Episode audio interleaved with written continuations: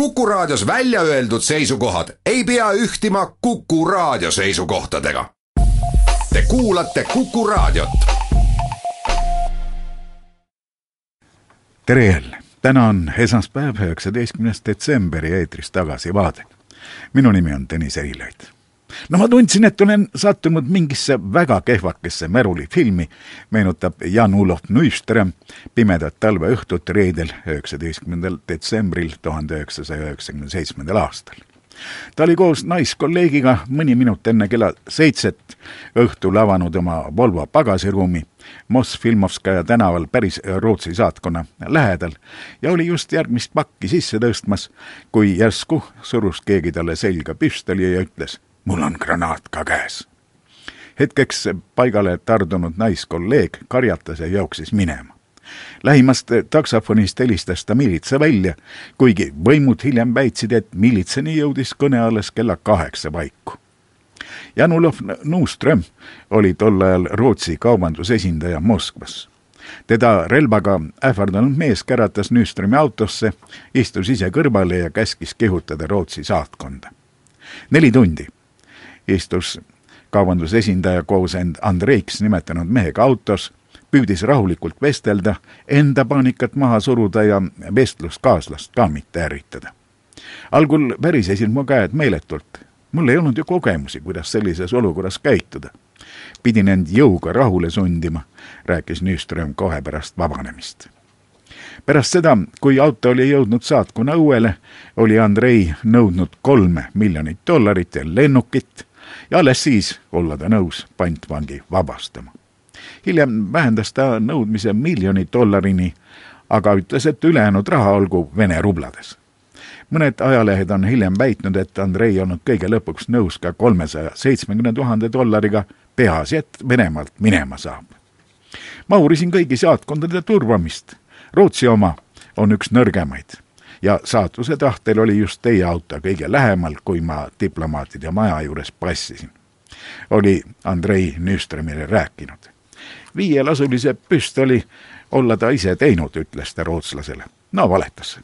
ta relv oli tavaline teenistus Makarov.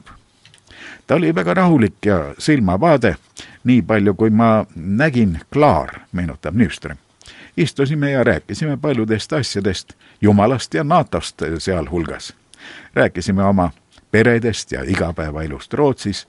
ta kuulas väga tähelepanelikult ja oli ise oma jutus väga avatud. nähes, et vestlus on rahulik ja peaaegu et isegi meeldiv, mõtles Jan Ulov, et teeb omapoolse käigu.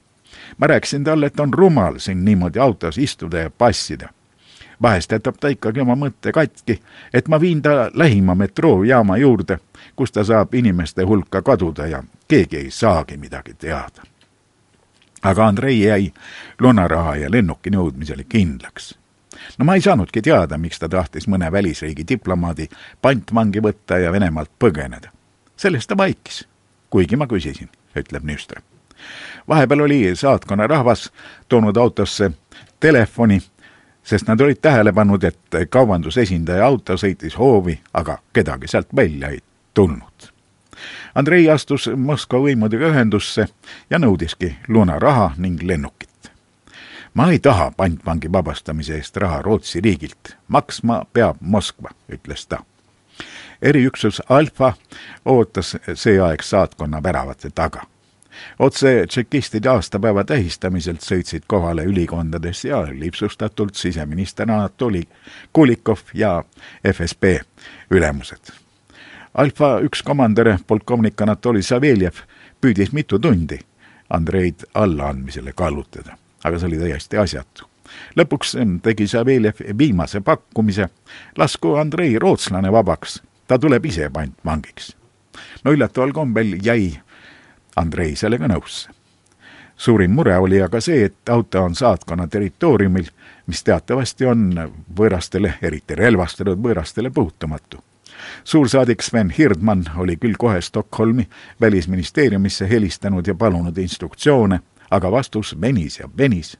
aeg jõudis juba laupäeva poolele. lõpuks teatas Stockholm, et Hirdman võib loovutada operatsiooni üle vastutuse Vene poolele. teisisõnu, tähendas see, et eriüksusel on luba rünnata. pantvangi võtja on Venemaa kodanik ja Moskva ise vastutab tema elu ja tervise eest. Hirdman ütles küll, et Vene eriüksus võib läbirääkimisi pidada nii kaua kui vaja, aga Moskva otsustas katkestada kõnelused ja kohe rünnata. ilmselt tahtsid nad teistele võimalikele pantvangi võtjaile näidata, et pole mingit lootust eluga pääseda, arvas hiljem suursaadik Hirdman Nüström oli jõudnud saatkonda, ta kuulis, kuidas algul plahvatasid silmi pimestavat valgust levitavad lõhkelaengud ja siis kõlasid lasud. Rootsi saatkonna töötajate arvates sai polkovnik Saveljev seepeale südamerabanduse ja kui Andrei kummardus alla, et teda aidata, siis tulistas snaiper. Andrei surm oli silmapilkne, Volvo oli aga nagu sõelapõhi tihedalt kuuliauke täis polkovnik Saveljevi elu ei suudetudki päästa. ma helistasin järgmisel päeval ta lesele ja küsisin, kas võin tulla talle ja ta kahele tütrele kaastunnet avaldama. ta lubas. Me saime ka hiljem kokku ja igal aastal üheksateistkümnendal detsembril süütasime küünla polkovnik Saveljevi surmapaigas, meenutab Nüstra Vene võimude teatel sai eriüksuse alfaohvitser polkovnik Saveljev kergelt haavata, kui kuul tabas teda rikošetist jalga ja seejärel langes ta rabandusest kokku. ta jõuti küll viia haiglasse, aga tema elu päästa ei õnnestunud. no see on ametlik versioon.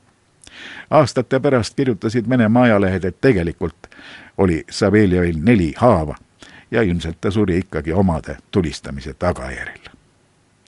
teised kinnitavad jälle, et pantvangi võtjale oli autosse toodud kohvi, millesse oli unerohtu ja mingit muud ainet segatud vangla kogemustega mees, olnud aga ettevaatlik, too Andrei, ja lasknud kõigepealt Saveljevil tugeva lonksu võtta. no ja sellest saigi rabanduse alguse.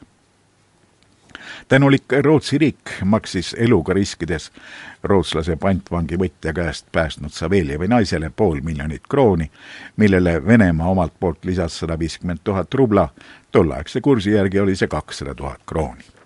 Saveljev oli muide kogenud läbirääkija samal detsembrikuus oli ta edukalt pidanud kõnelusi meestega, kes kaaperdasid Magadanist Moskvasse teel olnud reisilennuki. Alfas oli ta teeninud kakskümmend kolm aastat. Andrei aga polnud sugugi kahekümne kaheksa aastane noor mees, nagu ta rootslastele oli rääkinud. tema tegelik nimi oli Sergei Kobjakov, Tšeljabinski oblastist pärit ja kolmekümne kuue aastane.